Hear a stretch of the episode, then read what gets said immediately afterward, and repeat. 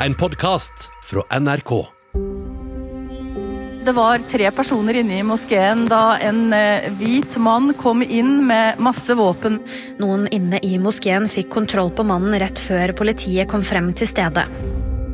10. august 2019 kommer nyheten om at en moské i Bærum er angrepet. Ellen Ile Hansen får en dårlig følelse og prøver å ringe datteren sin Johanne. Men hun får ikke svar. Hun setter seg derfor i bilen og kjører hjemover. Og når hun kommer fram, er huset omringet av politibiler og sperrebånd. Jeg forteller at vi har ikke fått tak i Johan. og Spør den eh, første politimannen jeg ser. ikke sant? Det er, er Johan i huset? ikke sant? Nei, det er, ingen, ingen personer i huset, får vi beskjed om. Og Så kommer en sykebil, og da, da bare skjønner jeg det. Ellens datter, Johanne Sangia Ille Hansen, er skutt og drept av stesønnen Philip Manshaus. Hvordan kunne dette skje? Hva var det Ellen hadde oversett?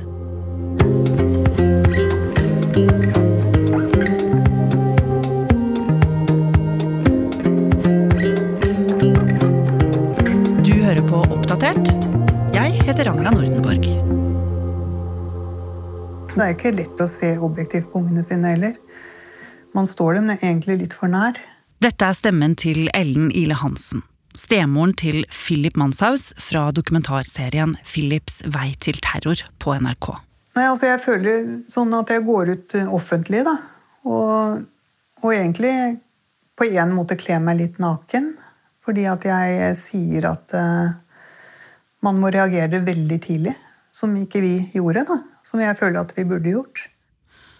Og vi hører jo her en kvinne som har levd med Philip nesten hele livet hans, og som er villig til å åpne seg opp for å vise fram hvordan denne radikaliseringsprosessen foregikk rett under nesa på henne, og som endte på verst mulig tenkelig måte, der hennes eget barn ble drept. Og Anders Sømmehammer, du har jo laget denne serien, og sammen så har du og Ellen gått opp livet til Philip Manshaus, og sett da på disse tegnene hun i ettertid mener viste at Philip var i ferd med å bli en terrorist. Mm. Jeg begynte å møte Ellen fra i fjor sommer, og hun fortalte om en gutt med en veldig tøff start på livet. Philip eh, mistet eh, moren sin i selvmord da han var eh, fire år. Så da ble jo disse tre guttene morløse. Philip var jo veldig liten, men det var jo under dramatiske omstendigheter at hun døde. Han har ikke pratet mye om det i oppveksten, men han har hørt veldig mye om det. Men han hadde noen reaksjoner som kom ut av ingenting, med sånn voldsomt raserianfall et par ganger. Altså, han kunne jo ikke sette så mye ord på de, det han hadde opplevd. Jeg hadde vel ikke følelsesregister som fireåring til å greie å bearbeide dette her. Det har jo ikke fireåringer. Men det er klart han har jo fått det med seg. Det må jo ha satt seg i kroppen. Ellen var allerede i en adopsjonsprosess da hun møtte faren til Philip Manshaus, og de ble kjærester. Så da Ellen dro til Kina i 2003 og henta Johanne, som da bare var ni måneder, så flytta hun inn sammen med familien Manshaus på Eiksmarka. Så ble de en storfamilie. Mm. Philip han var veldig glad for at jeg kom inn. Han, det ble, han sa jo til meg at han syntes det ble ja, hyggeligere i familien og eh, med en eh, mamma, da. Og jeg, jeg, hadde virkelig stor kjærlighet til han, og, og, han var som mitt eget barn. Han likte ikke å sove alene, så Philip og Johanne de delte rom ganske lenge. Hadde køyesenger. Og så hadde han veldig mye mareritt, det husker jeg. Han hadde behov for litt trygghet. Ja. Og hva annet var det hun fortalte om ham? Philip Manshaus blir beskrevet som et snilt, beskjedent barn. Han likte å tegne. Han greide ikke å ta livet av fisk. Men så skjedde det noe tidlig i tenårene eh, hvor han da begynte å gå inn i ulike intense faser. Eh, dette her at han ble så intens i ting og hang seg opp i spesielle ting og gikk 100 inn for det, og sånn overdrevent, da. Det begynte vel på ungdomsskolen, tror jeg, og videre utover i gymnaset. Jeg tror han fant mye på nettet, egentlig. Han hadde jo mange rare ideer. Plutselig så skulle han ikke Han ville ikke vaske seg. Han, vasket ikke håret, sluttet å pusse tenner. Så jeg husker Johanne hun eh, undersøkte og googlet opp og fant liksom eh, hårsjampo og tannpasta hvor, eh, som ikke skulle skade, da, som var vegansk, og sa til henne at hun kan bruke det og det. Hun ville vel at hun skulle vaske seg. Alle vil vel det i familien. Men han var veldig opptatt på det. Merkelig, altså. Ja. Det luktet jo han òg. Det det var veldig utrivelig, egentlig. Men plutselig så var det slutt. Og da begynte en fase hvor han eh, Da spiste han veldig mye kjøtt. Så ble han mer og mer undrende. Og, og fikk for seg at han skulle prate mye med mennesker og ha et litt sånn dypt forhold til mennesker og vennene. Han syntes ting var veldig mye overfladisk prat, og han ville ha et ekte forhold til vennene sine og mennesker. og når jeg tenker tilbake, så var det mulig at han manglet noe. Da. Så vi hører jo Ellen her fortelle deg om at Philip jo var et eh, barn og en ungdom som hadde store kontraster i livet sitt, og som var søkende. Men var alt dette et varsel som noen burde ha grepet fatt i?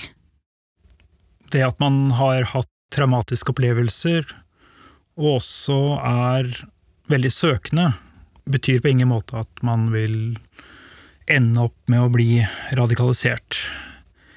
Men vi ser at den voldsomme søken hans tar han en ny vei i 2017, altså da han er i slutten av tenårene. Da begynner han å lese mye på nettet. Han leser ulike konspirasjonsteorier. Og han har i hvert fall de første kjente møtene med høyreekstremistisk propaganda på nettet. Det virker som det her er noe han holder på med for seg selv, altså en form for selvstudier. Men de rundt han begynner å reagere. Først så var det litt mer sånn diffust dette her med Trump, det begynte med Trump, da. Men så ble det jo vel litt mer sånn med jøder. Ja, Og pratet mer og mer om dette med holocaust og benektet det. Og ja, I og med at Philip har hatt så mange faser, så tenkte vi liksom at dette her er en fase også. At det går vel over.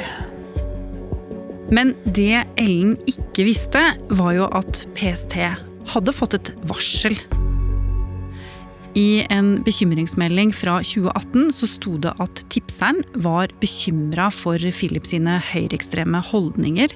At han var en nasjonalist som ønsket en autoritær stat. Og at vennene kalte han for nynazisten. Og ikke bare det. Han skulle også nylig vært innmeldt i en skyteklubb. Det sto også at han hadde vært usikker i oppveksten, men at han nå framsto som veldig selvsikker. Hva skjedde med dette varselet? PST vurderte det dit hen at Manshaus ikke var i faresonen for å utføre enten et terrorangrep eller gå voldelig til verks på en eller annen måte. Og derfor så bestemte de seg for ikke ha en bekymringssamtale med han. Så det skjer rett og slett ikke noe mer med dette varselet. Og fordi PST vurderte saken sånn, så fikk heller aldri Ellen vite om dette varselet. Og det er hun jo lei seg for i dag, for hadde hun fått vite, ville hun eh, kanskje ha forstått alvoret i større grad enn hun gjorde. Men uavhengig av dette varselet, så oppsto det spesielt to situasjoner hjemme som fikk henne til å reagere. Og det var sommeren 2019, da Johanna hadde fått seg kjæreste fra Portugal, og Philip hadde kommet hjem fra et år på folkehøyskole. 1. juni kom han hjem. Da begynte jeg å bli bekymret, og Johanne ble bekymret og sa at han oppførte seg annerledes mot henne, at han overså henne. Og hun sa at 'jeg tror ikke Philip liker meg lenger'. og uh, Han likte jo ikke at uh, Johanne hadde en uh, europeisk kjæreste. Han mente at hun måtte finne seg en kineser. Vi hadde vært i et kirkebryllup hvor hun valgte å ikke bli med i det bryllupet. da. Johanne hadde vært hjemme. Og da de kom hjem, så hadde hun jo sagt til Johanne at det var bra du ikke var med, for da ble det et helt hvitt bryllup. Jeg konfronterte den jo med det han hadde sagt til Johanne. Hun kom jo og fortalte meg det. Og da sa han nei, hun bare overdriver. ikke sant? Det er ikke sant. Det er bare hun som Det er ikke riktig, sa han da. Men hun var jo bekymret, og hun syntes jo det var ubehagelig. Det er åpenbart at Johanne var ordentlig bekymra for Philip. Mm. Hun snakket med Ellen om det, og de fryktet at han kunne være i ferd med å bli radikalisert. Så sammen dro de til 22. Eh, juli-senteret, rett og slett for å lære mer om eh, radikalisering. Så vi dro jo ned dit, og det var jo veldig sterkt for oss begge to. En del av manifestet til eh, han Breivik hang jo der. Og når vi leste det, så var det vel Johanne som sa dette her er jo som å høre Philip. Her går det altså opp for Ellen og datteren hvor like stesønnen Philip, som Ellen altså hadde levd med siden han var liten, og mannen som sto bak norgeshistoriens største terrorangrep, faktisk var. Og de forsto at Philip var alvorlig ute å kjøre. Men det de ikke visste på dette tidspunktet, var at Philip, som i barndommen ikke engang klarte å drepe en fisk, var i ferd med å krysse en linje. 2.8.2019 så satt Philip ved PC-en og lasta ned manifestet til Brenton Tarrant. Mannen som noen måneder tidligere hadde skutt og drept 51 mennesker i to moskeer på New Zealand. Hva var det Philip leste? Kort forklart så er det et rasistisk skrift som argumenterer med at den hvite rase er truet, og at man må slå tilbake voldelig for å forsvare hvite mennesker. Hm. Manshaus har forklart at dette manifestet hadde en voldsom innvirkning på han. Han beskriver det selv som om at han sliter med å spise, han får ikke sove, han ligger og svetter i senga. Og er stressa fordi han bare må gjøre noe. Og han begynner konkret å planlegge terrorangrep. Han bestiller et eh, GoPro-kamera på nettet. Og han bestiller også en eh, skuddsikker vest. Og akkurat denne vesten skulle jo bli det aller siste tegnet Ellen i ettertid ser at hun kunne ha snappet opp dersom hun hadde visst hva han egentlig hadde planer om å gjøre. Vi satt i bilen og rygget ned garasjebakken. Og så kommer det en budbil som skulle levere en pakke til Philip. Og Johanne går da inn i huset igjen med den eh, pakken og legger på senga til Philip og kommer tilbake igjen. Og så sier Johanne hun hadde sett hva som sto på utenpå pakken. Så sto det at det var en skuddsikker vest. Så tenkte jeg ja, det var rart. Skuddsikker vest. Og så tenkte jeg ja, hvorfor skal han ha det? ikke sant? Så, men så hadde jeg jo fått signaler fra han om at han var eh, redd for muslimer. Da, redd for å gå i visse miljøer. Og så tenkte jeg herregud, har han blitt så redd at han må ha på seg en skuddsikker vest? Det var det jeg tenkte. Men etter denne hendelsen var det ingen vei tilbake. Den 10. august realiserte Philip Manshaus planene sine. Han gikk til våpenskapet hjemme i huset i Bærum, for så å gå videre inn på rommet til Johanne. Hun satt i senga og Philip skjøt henne fire ganger. Så tok han bilen og dro til Al-Noor-moskeen i Bærum. Planen var å drepe så mange som mulig, men raskt ble han overmannet av to eldre menn. Og etter ca. en halvtimes basketak kom politiet og pågrep Philip. Ingen ble drept i moskeen, selv om flere skudd ble avfyrt. For dette ble han dømt til 21 års forvaring, og han sitter nå på Ila fengsel. Og Anders, man kan kanskje ikke forstå hvor mye Ellen skulle ønske at hun hadde innsett hvor radikalisert stesønnen var på et tidligere tidspunkt, for da kanskje å kunne ha gjort mer for å forhindre at han ble en terrorist, rett og slett.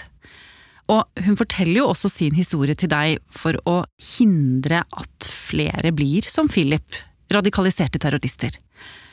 Men du har jo møtt ham selv også, Anders, og det han fortalte deg i fengselet, det vitner jo om at han har en lang vei å gå når det gjelder å ta avstand fra både holdninger og handlinger. Mm. Første spørsmål er hvorfor drepte du søsteren din, Johanne?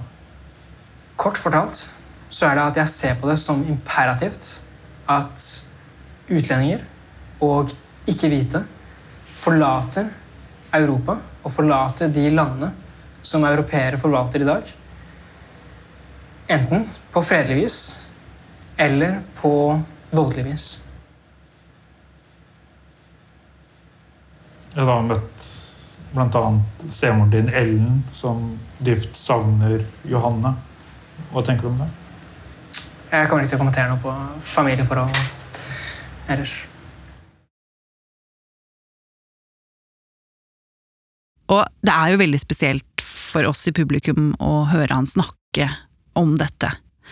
Og du og NRK har jo vurdert nøye om intervjuet i det hele tatt skulle publiseres, men dere kom frem til at han jo har rett til å svare på påstander om sitt eget liv. Og du spurte han jo også om hva hans svar er på at han havnet i den situasjonen han gjorde. Det er jo selvfølgelig mange forskjellige måter å komme frem til de synspunktene som jeg har, som da er ganske avvikende fra det som er normalen, da, det du ser i offentligheten. Jeg brukte bare et år, nesten, et og et halvt år på å komme frem til de meningene som jeg gjorde. Og det representerer egentlig bare hvilken slagkraft som nettet egentlig har. Nettet er en slags supermotorvei for ideer, hvor ideer og meninger kommer i kontakt og i, i, en slik hastighet som bare aldri er sett maken til i historien. Hvor kommunikasjon skjer så kjapt. Det kommer selvfølgelig an på person til person. Da. noen har jo sikkert eh, lettere for å innta seg nye holdninger og ideer enn andre. Men jeg kan trygt si at hovedaktøren i min politiske omvending, den var gjennom nettet det, det for meg er helt selvfølgelig. Mm. Ja, vi hører jo her Philip Manshaus selv si at nettet har hatt veldig stor betydning for uh, hvorfor han ble terrorist. Men er det hele forklaringen? Jeg tror absolutt at nettet har vært helt sentral i hans prosess.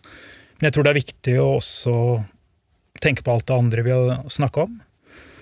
For jeg tror ikke det er én enkelt faktor som får noen til å gjøre det han gjorde. Mm.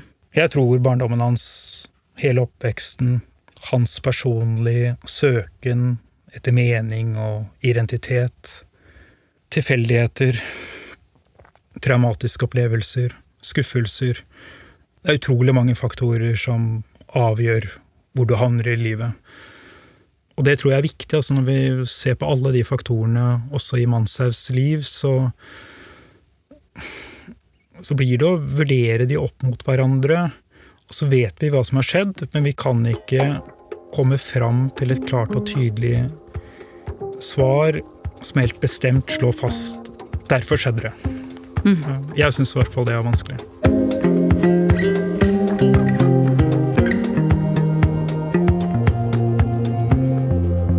Har du lyst til å bli fast lytter av oss i Oppdatert og få påminnelse om nye episoder, er det bare å følge oss i NRK radioappen. Og så er det veldig hyggelig hvis du vil anbefale oss til en venn. Oppdatert er en podkast fra NRK Nyheter, og denne episoden er laget av Ida Tune Øritsland, Pål Gauslå Sivertsen, Andreas Berge og meg, Ragna Nordenborg. Knut Are Tornås er redaksjonssjef. Vil du kontakte oss, gjør gjerne det på oppdatert krøllalfa nrk.no. Du har hørt en podkast fra NRK. Hør flere podkaster og din favorittkanal i appen NRK Radio.